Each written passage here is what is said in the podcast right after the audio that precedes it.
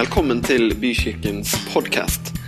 For mer informasjon om oss cvvvbykirken.no.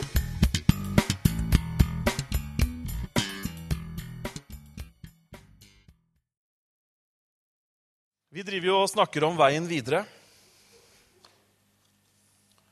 For to uker siden hadde, vi, hadde jeg veien videre. Det var eneren. Nå kommer toeren. I mellomtiden så hadde vi, eh, vi hadde egentlig toeren forrige gang også, for vi hadde Gunnar som snakka utrolig flott forrige søndag om eh, helliggjørelse.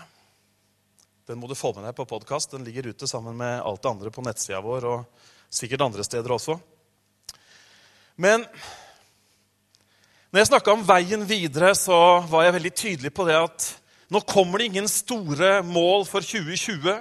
Nå kommer det ingen eh, eh, tall som bare blåser håret av deg for de neste fem årene. Nå kommer det ingen vision statement som blir eh, litt sånn lammende. Ikke fordi det er, ikke er bra med noen av de tingene, men jeg snakka om veien videre. For deg, for den enkelte person. Og vi snakka om det at livet vårt var som et telt. Og vi snakka om Guds ord som sier at vi skal gjøre teltet større. Vi skal gjøre plass til mer. Vi skal strekke oss ut. Og vi snakka om det at Gud han har starta noe i hver eneste en av oss som er her, og også i alle andre troende. Hvis du har tatt imot Jesus og tro på ham, så har Gud begynt noe i deg. Du har ikke begynt noe i Gud. Han har begynt noe i deg. Hører forskjellen? Han har satt i gang noe. Han har tenkt å fullføre det. Han vil at du skal nå hele veien hjem. Han vil det faktisk sterkere enn du vil sjøl. Selv. selv om du kanskje vil det veldig på en god dag. Så vil han det enda sterkere. For han har begynt noe. Han har født sitt liv inn i deg. Han har gitt deg sin ånd. Han har øst ut sin kjærlighet inn i deg. For at du skal fullføre det løpet som du har. Og ikke bli andpusten bare du hører ordet 'løp' nå, for vi skal ikke løpe i det hele tatt. Men vi skal snakke om en ting på veien som er utrolig viktig å snakke om, tror jeg, men som vi ikke snakker så mye om lenger. Du kan ta neste bilde, Alex. Vi skal snakke om motstand på veien. Ja, dette blir et bra møte. Halleluja. Motstand på veien. Nå kommer hindringene. Ja, men skjønner dere at Det skjer jo da fra tid til annen at dagen ikke er så god. Ingen bekjenner noe, men det er greit. Jeg kan bekjenne. Det hender jo at man kjenner at det er en viss sånn motstand i det man tror er riktig. Det kjenner jo av og til ut som om ikke det liksom bare er som å skjære med en varm kriv i smør. Det finnes litt motstand på veien. Det finnes motstand i ditt liv, og vi skal ikke bruke mange minutter på å finne ut hva motstanden i ditt liv er, men jeg tror vi kan konkludere med et bekreftende nikk på at jo da, det hender at vi føler vi møter en vegg eller en dør. Noen nikka veldig tydelig nå. Pass på så ikke du nikker i veggen. Den tok du ikke, men det er greit. Det var noen som tok den. Det er bra. Men jeg skjønner Jesus. Han snakka om dette. Paulus snakka om dette. Peter snakka om dette. Og en gang for mange år siden i 1983 så var jeg på juniorleir på Oven i Østfold. Endelig var jeg gammel nok. Så kom torsdagen, og det var vitnemøte. Og der holdt jeg min første offentlige preken. Den var veldig kort, og jeg leste fra Johannes jeg hadde fått det gode råd at Johannes det var et fint sted å begynne å lese Bibelen. Og det er det fortsatt. Og så leste jeg fra Johannes kapittel 10.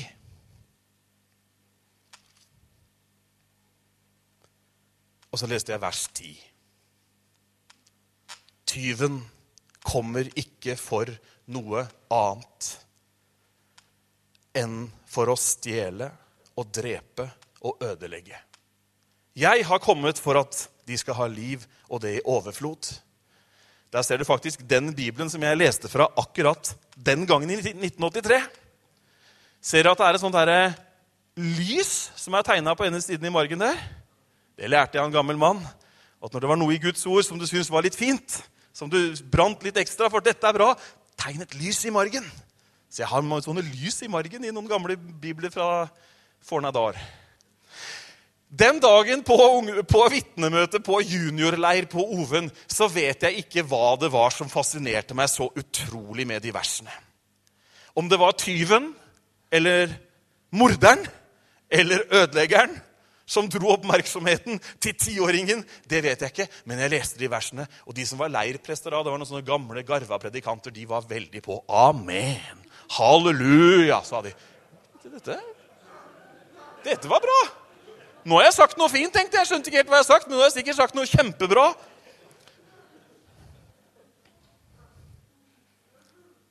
Tyven kommer bare for å stjele, myrde og ødelegge. Men jeg har kommet for at dere skal ha liv. I Johannes 10 så underviser Jesus om den gode hyrde. Han snakker om at en gode hyrde er en hyrde som har sann kjærlighet, sann omsorg for sauene sine. Den gode hyrde kaller sauene sine ved navn. Han kjenner dem, han vet hvem de er, og han leder dem. Hyrdens oppgave er å lede dem sånn at de kan spise, sånn at de kan være beskytta. Og Jesus han er den gode hyrde.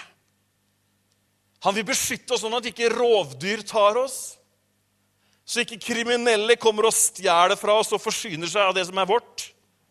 Og Guds plan for deg og meg, det er på denne veien vi går, er at vi skal kjenne denne hyrden. At vi skal kjenne stemmen hans. At vi skal høre Og det er han som snakker. Det er han som leder meg. Det er han som viser meg veien framover. I vers 27 så står det mine sauer hører min røst, og jeg kjenner dem, og de følger meg. Jeg gir dem evig liv, og de skal, i, og de skal aldri i evighet gå fortapt. Her har du evangeliet, de gode nyhetene om Jesus beskrevet i noen få ord. Men på veien så møter vi litt motstand som troende, som etterfølger av Jesus. Det er faktisk sånn, uten at vi trenger å liksom, eh, høre mange historier for å kjenne oss igjen, men det er faktisk sånn at det er ikke alltid ting går helt som planlagt. Livets harde hverdager treffer oss. Onde ting skjer. Og Jesus han snakker om tyven. Han snakker om djevelen. Han snakker om Satan, om du vil. Han snakker om den onde. Han sier at det finnes også noen som har en agenda for livet ditt som ikke er god. Kjære Gud, Bent Ove, skal du snakke om djevelen i dag? Ja, i dag skal jeg snakke om djevelen. Men det blir veldig bra på slutten. Dessuten så er ikke djevelen noe vi trenger å frykte. Det står ikke 'vær redde for djevelen'. Løp og gjem dere for djevelen. Nei, det står at vi skal avsløre han. Det står at vi skal stå han imot. Det står at vi seirer over han. Selv om alt det er riktig, så holder han fortsatt på med det han alltid har gjort. Nemlig å stjele, myrde og ødelegge. Peter snakka om dette, og Paulus snakka om dette. Peter han sier, 'Vær edrue, vær våkne, for deres motstander djevelen går omkring som en brølende løve' 'og ser om det er noen han kan oppsluke.' I neste vers så står det, 'Stå han imot'. Faste i troen. At det finnes en ond kraft i tilværelsen, det er vel ganske åpenbart. Det har nok vært tider i deler av kristenheten og tider i kirkehistorien hvor man har vært i overkant opptatt av det onde. Hvor man har vært så opptatt av det onde og den onde at man har liksom vært helt ute i den grøfta. Og det er jo litt rart med oss mennesker, for vi er jo i én grøft, og så er vi veldig kort tid på veien før vi er i den andre grøfta. Og Da kan man komme så langt i den andre grøfta at man, at man ikke tenker på at det en gang eksisterer noe ondt. Men det gjør det. Det er Jesus veldig tydelig på. Det er Bibelen veldig tydelig på. Og jeg tenker jo at det er jo veldig, er jo veldig bra da, hvis, Hvis det er sånn at vi har en motstander, og det er det, så er det veldig bra å høre hva Jesus sier om denne motstanderen. Er det ikke det? Han gir oss noen veldig klare hentydninger på hvordan han opererer. Og når vi vet noe om hvordan han yter motstand mot oss, når vi vet noe om hvordan han påvirker livene våre, da kan vi håndtere det på den måten Gud vil vi skal håndtere det på. Jeg er helt overbevist om at i dag, i denne formiddagen her, så kommer Gud til å snakke inn i hjertet ditt. I dag så kommer du til å bli oppmerksom på noen ting som du ikke før har tenkt på på den måten, og så blir du plutselig i stand til å gjenkjenne hva det er, og så blir du plutselig i stand til å kunne stå han imot fast i troen og oppleve seier. Men Gud være takk, som alltid leder oss fram i seierstog med ham. Det skjer hele tiden. Det skjer alltid. Seieren er vunnet. Hallo! Trenger ikke å korsfeste Jesus en gang til. Trenger ikke å sende han ned og, og overvinne dødens krefter. Den er vunnet. Men for deg og for meg, som lever i tro, så må vi aktivisere troen vår. Vi må stå faste i troen. Vi må gjøre oss nytte av det som Jesus har gjort. Hvis ikke så er det av ingen verdi. Hvis du har kunnskap om disse tingene, men ikke bruker det, så er det bare å kaste det på skraphaugen. Ja, jeg har hørt om djevelen, og jeg kan noen navn på djevelen osv. Nei, det er ikke det som er essensen. Dette er ikke en bibeltime, dette er ikke en utlegging om alle steder det står nevnt, og alle navnene han har, men dette er praktisk verktøy på veien. Når du møter motstand på veien. Er ikke det bra? For du skjønner at Djevelen han holder på akkurat sånn som han har gjort i alle år. Helt fra Adam og Eva, når han begynte å snakke med dem og si 'Har nå Gud virkelig sagt?' Så holder han fortsatt på i 2015 og si til deg som troende 'Ja, er det nå egentlig sånn?' Har nå Gud egentlig sagt det? Er det det som står i Guds ord? Ja, men var ikke det i en annen tid? Altså, Djevelen prøver hele tiden å ta bort fra oss det som Gud har gitt oss.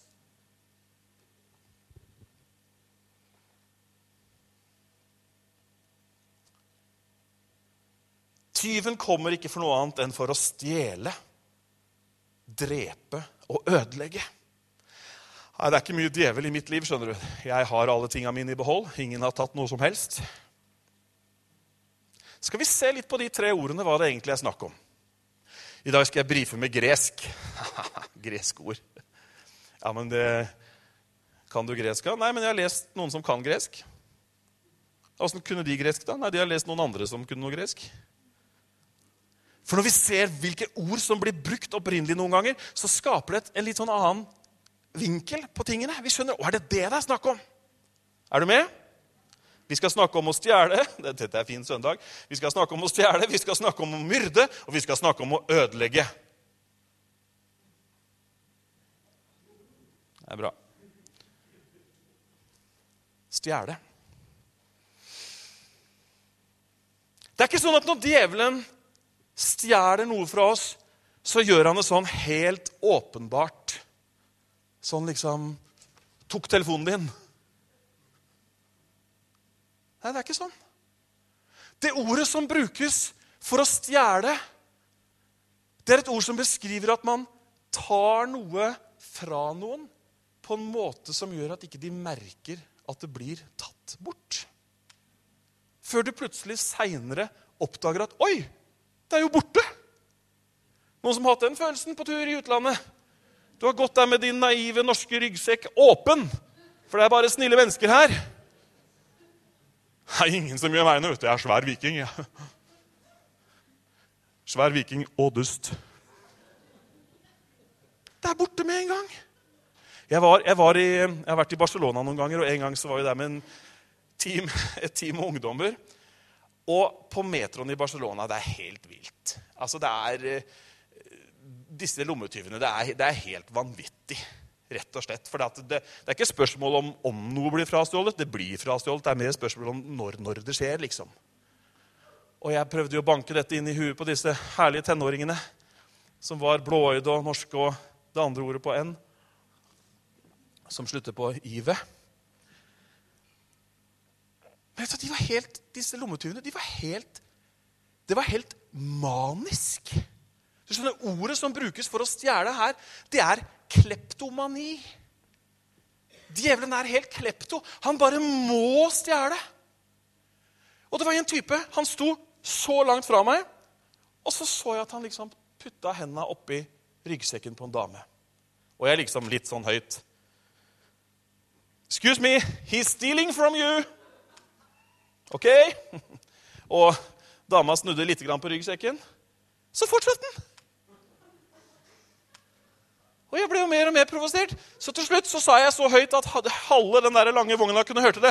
Look, he's stealing! Det ble helt svart i øya på han. Og så hoppa han av på neste stasjon. Og så litt seinere så sto jeg på metroen nok en distanse. Så kjente jeg liksom en hånd ned i frontlomma, altså. Mulig jeg er uh, følelsesløs, men uh, hallo Mulig jeg har elefanthud også, men jeg kjente jo at det var jo en nisse som var nede og tok pengene mine. Så jeg tok tak i armen på han. Men han hoppa jo ut av døra på metroen. Men jeg slapp ikke armen hans. Og jeg sto på innsiden av metroen. Og så ville ikke metroen stå stille lenger. Så døra gikk igjen, og jeg sto på innsiden. Han sto på utsiden, eller det vil si handa hans var på innsiden. Tenkte jeg, nå skal jeg skremme styggen litt. Så jeg holdt armen mens metroen begynte å kjøre. Så etter at han hadde satt ny norgesrekord på 60-meteren, da slapp jeg. Jeg håper han ikke var like klepto resten av dagen. Men du skjønner, det er sånn djevelen holder på når han tar ting fra deg. Det er sånn naturen hans er. Han bare må på en eller annen måte prøve å frarøve deg det dyrebare, det flotte som Gud har gitt deg. Og han gjør det på en sånn måte at du oppdager det som regel ikke før litt lenger ned i gata at Oi, nå har han tatt freden min. Nå har han tatt den overbevisningen jeg hadde. Nå har han tatt det engasjementet jeg hadde for Guds rike. Nå har han tatt den derre gode, det derre reine hjertet jeg hadde. Da har han tatt det fra meg på en sånn måte at jeg ikke engang merka at, at han tok det. Ofte så kan han begynne sin, sitt tjuveri med en tanke. Har Gud virkelig sagt? Er det virkelig sånn? Og så begynner tankene våre å spinne. Og så blander de tankene som var Guds tanker, og det som var fornya tanker, de tankene som var påvirka av Guds ord, de blander seg med de tankene som hører mennesket til. Og så fornyer vi ikke sinnet vårt. Så fyller vi ikke på med Guds ord og hans nærvær. Og så tar tankene overhånd, og så har han lurt oss. I forhold til Guds sannheter om helse, om frelse, om frihet, i forhold til alle Guds løfter, så prøver han å ta det fra oss og få oss til å tenke nei, men det gjelder ikke meg. Det er fint for de andre, vet du. men det gjelder nok ikke for meg. Og så har han stjålet det fra deg. Så sitter du tilbake, raka fant, og er tilbake på scratch. Skjønner du hvor viktig det er at, at vi veit om dette her? At vi vet at den motstanden vi møter, den er ikke den der åpenbare at han bare kommer inn og ra, raner noe rett fra oss. liksom Sånn der ran på åpen gate på, på høylys dag. Nei, det er ikke sånn han holder på det hele tatt. Han sniker seg inn og så er det ut av lomma di før du aner det. Dette er en av grunnene til at du og jeg trenger hverandre som troende. Når Bibelen sier at vi ikke skal holde oss borte fra forsamlingen vår, når Bibelen sier at de kom sammen daglig, når Bibelen sier ta vare på opplesningen av Skriften, når Bibelen snakker om at vi skal bekjenne vår tro, hvorfor skal vi gjøre det? Fordi vi skal få en eller annen religiøs rutine på plass. Huka på lista. 'Nå er jeg litt mer prektig.' Nei. Sånn at ikke djevelen skal få stjele det som han prøver å ta. Troen bygges opp når vi kommer sammen. Troen bygges sterk når vi hører Guds ord forkynt. Og Guds løfter, de blir forsegla når vi merker at Guds ånd lever i oss. Og da trenger vi faktisk hverandre. Hm. Han prøver å stjele. Neste strategi er mord. Og nå må du legge bort alle tanker om Derek, CSI og Til og med Midsummer Murder må du legge bort nå. Jeg vet at det er mange som liker den her. Poenget, poenget er at det, det er ikke det han snakker om. Du skal liksom ikke lese mordstatistikken i en nasjon og så finne ut ja, nei, nå er djevelen på ferde. Ja, i ytterste konsekvens så kan du si at det at sånne ting skjer, er et resultat av at den onde finnes i verden osv. Men når Jesus snakker til sine disipler her, så sier han at han kommer for å myrde. Men det ordet som brukes for å myrde her, det er et ord som brukes for å ofre. For å gi noe, gi et liv som et offer. Det er det ordet som brukes. Han vil at du og jeg skal måtte ofre noe som er dyrt og kjært for oss. Oppgi det. Overgi noe som betyr noe.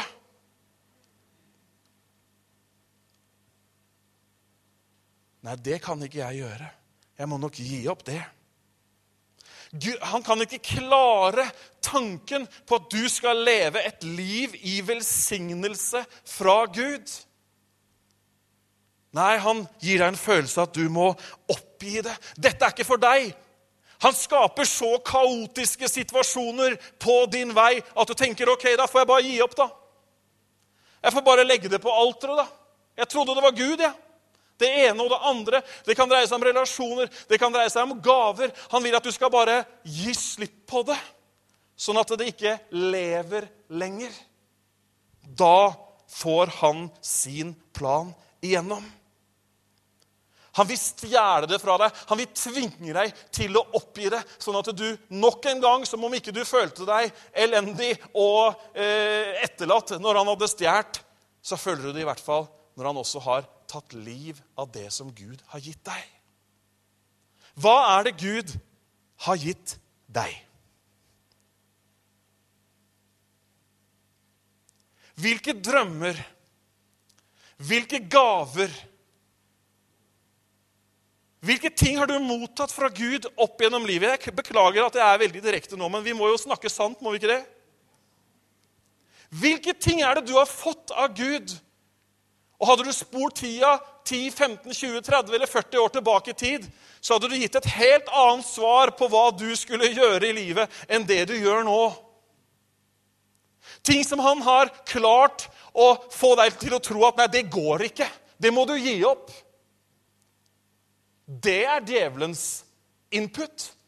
Mens Gud sier at vi skal kjempe, at vi skal bli sterke, at vi skal gå i tro, så er djevelen helt motsatt. Og så sier han, 'Give it up'. Funker ikke allikevel. Jeg kjenner så utrolig mange mennesker som, har, som jeg vet Det står omtrent skrevet i panna på dem hvilke gaver Gud har gitt dem. Jeg møter noen som er helt fantastiske selgere i næringslivet. Jeg snakka med en her om dagen. Han sa han har gjort om litt på jobben min. Tidligere aktiv kristen type. Jeg tror han har troen i behold. Men så sa han har gjort om litt på jobben min. Jeg må være ute, jeg, vet du. Evangelisten, sa han. Ja, du sier jammen noe, tenkte jeg. Han er en himla god evangelist i det firmaet han jobber. Stor suksess. Men gaven han har fått det er jo ikke å selge det han selger. Det er jo å forkynne, formidle evangeliet. Han er helt rå på å møte folk. Og Jeg kunne stått og lista opp den ene etter den andre. Jeg hadde selvfølgelig ikke sagt navn, for jeg har taushetsplikt. Men kanskje det gjelder noen her også. Hvilke ting har Gud gitt deg som du bare har liksom Ok, da, det ble ikke sånn allikevel. Ord som er talt utover livet ditt. Løfter som du vet at Gud har gitt deg. Profetier som er uttalt over ditt liv. Bibelen snakker om å stride ved det profetiske ord. Bibelen snakker om å holde fast ved løftene. Hvorfor skal du holde fast ved løftene? Fordi at Gud har lett for å miste dem? Nei, fordi at djevelen har en plan om å få deg til å tro at du må miste det. Du må gi slipp på det. Herlig å høre litt om djevelen i dag, er det ikke det?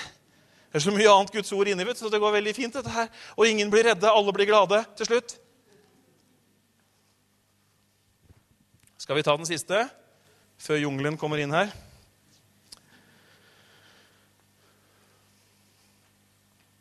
Den er kort. Men djevelen, han stjeler. Han myrder. For å stå opp i noe. Og så er resultatet at han ødelegger det fullstendig. Han har tatt det fra deg. Han har fått deg til å gi det opp.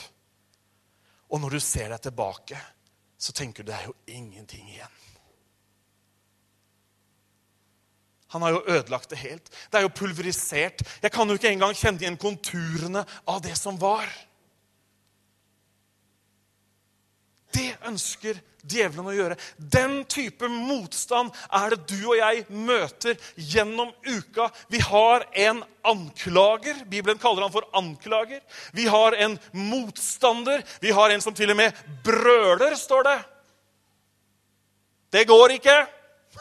Ikke du! Kanskje noen andre, men ikke du! Ja, men det står i Bibelen at de troende skal gjøre sånn, og det skal være sånn, og det skal være det ene og det andre. Ja, men det er alle de andre. Du er ikke god nok! Han prøver å lamme oss på den måten, sånn at livene våre ender helt i ruin.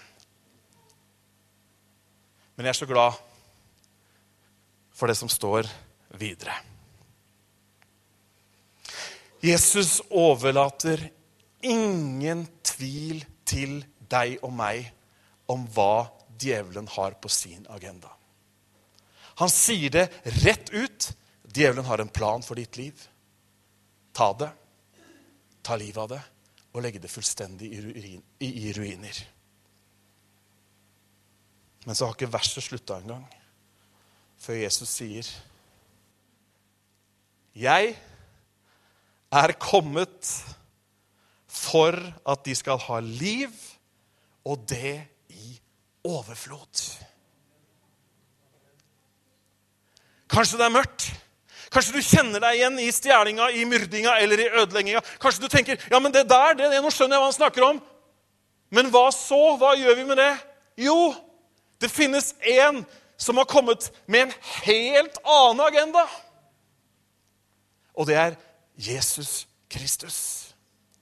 Han har ikke kommet for at du skal sitte tilbake, fordømt, forlatt og frastjålet alt du har. Nei, han har kommet for å gi deg liv, og ikke lite grann liv. Vi nordmenn er gode på sånn lite grann liv.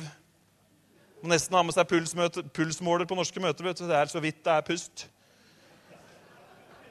Uff, det er liksom Åh, Det er herlig med Jesus, dere. Jo da. Det er så fint at det men han kom med overflodsliv.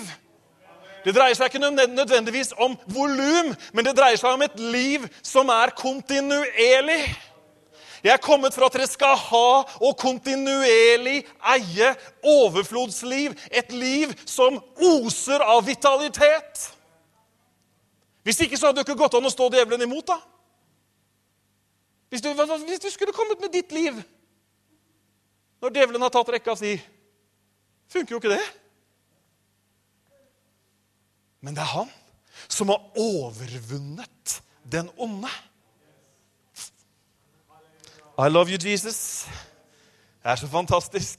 Det står det at han avvæpnet maktene, myndighetene. I den engelske oversettelsen så står det And he made a public spectacle of them. Når han vant over dem på korset. Det er, det er mye liv. Ja. Jeg tenker Det var mye liv i himmelen ja, når Jesus vant seieren. Tenker Englene satt der og gløtta litt på persiennene. Ja, det går ganske bra der nede. Ja, Nå vet jeg ikke helt. Nå er det uavgjort, men vi får se. Det var en overlegen seier, kjære venn. Jeg sa overlegen seier. De måtte bruke, Når de beskrev Jesus' seier i Bibelen, så beskrev, hadde de ikke noe sterkere uttrykk for seieren hans enn de samme ordene som de brukte når, krigs, når seierherren fra krigen kom tilbake med krigsutbytte, og fangene kom til sin hovedstad og mottok jubelen fra alt folk over at de har vunnet. Noe sterkere hadde de ikke å komme med. Så jeg sier, død, hvor er din brodd?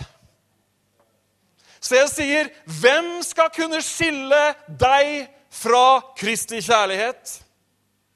Jeg bare spør. Hvem? Nød? Død? Nakenhet? Trusler? Forfølgelse?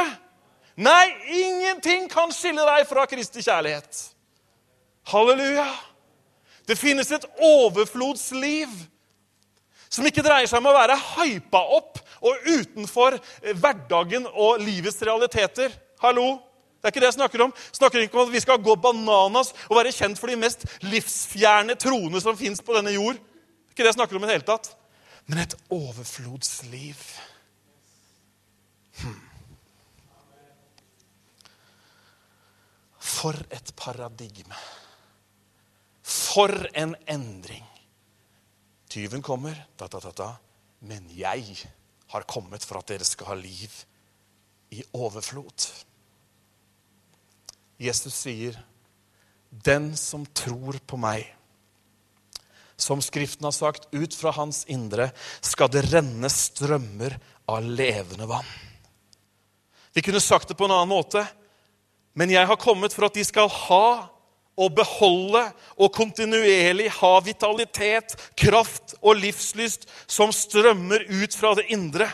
Jeg er kommet for at de skal ta imot et liv som er uten sammenligning. Umulig å matche, uovervinnelig, rikt, fullt av overflod. Et liv til det ultimate maksum. Det er fin, den lista der. Ja da du vil oppleve at det kommer dager, tider, til og med sesonger i livet ditt hvor du føler at djevelen virkelig treffer alle knappene i ditt følelsesregister. Nederlagsfølelsen er der. Du føler deg deprimert, du føler deg helt lamma og helt bundet. Andre ganger så hvisker han inn i øret ditt og så får han deg til å miste det store bildet helt av syne. Du ser ikke lenger enn til veggen. Det er alt du ser. Og det virker som om himmelen er helt stengt. Han kommer til å prøve fortsatt, for han har ikke slutta med dette her, å fordreie stemmen sin og til og med få det til å høres både ydmykt og fromt ut. Som om det er Gud som sier det. Derfor så må du og jeg vi må vite det vi snakker om i dag. Vi må vite at på veien vår så kommer disse tingene. Det skjer. Vi blir fristet. Vi får dårlige dager. Men vit at hvis du tror på Han som Gud reiste opp fra de døde, så kan du stå djevelen imot. Du kan yte motstand.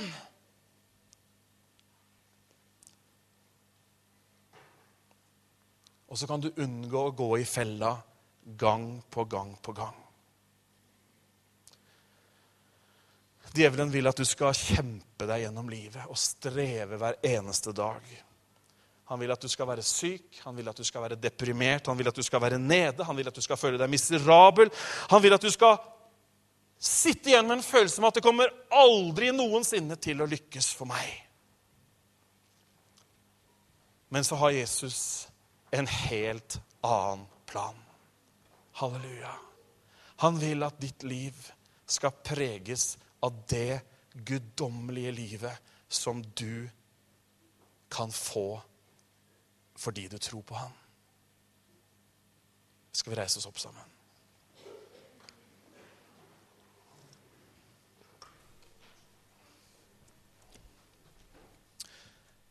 Jeg ønsker at vi skal eh, vi skal be for mennesker i dag. Vet ikke om, jeg vet at vi ikke gjør det for ofte kanskje i Bykirken, men eh, i dag så skal vi be for mennesker. og Du kan få komme fram, og så skal vi be sammen. Vi som kommer fram, og lederteamet er med her, osv. Jeg, tror jeg tror at det her var til oss. Jeg tror det var til noen, kanskje til mange. Selv om djevelen har 1-0 per i dag, at det er i hvert fall sånn du føler det, så vil ikke Gud at det skal fortsette sånn. Fikk du med deg det? Selv om du kanskje føler at ok, akkurat nå er det jeg som ligger under. Akkurat nå er det jeg liksom som ikke fikser dette her. Eller nå er det liksom sånn så Så ønsker Jesus å komme med sitt liv inn i din situasjon. Ønsker å vekke opp igjen de gavene du har fått. Det kallet du vet ligger der.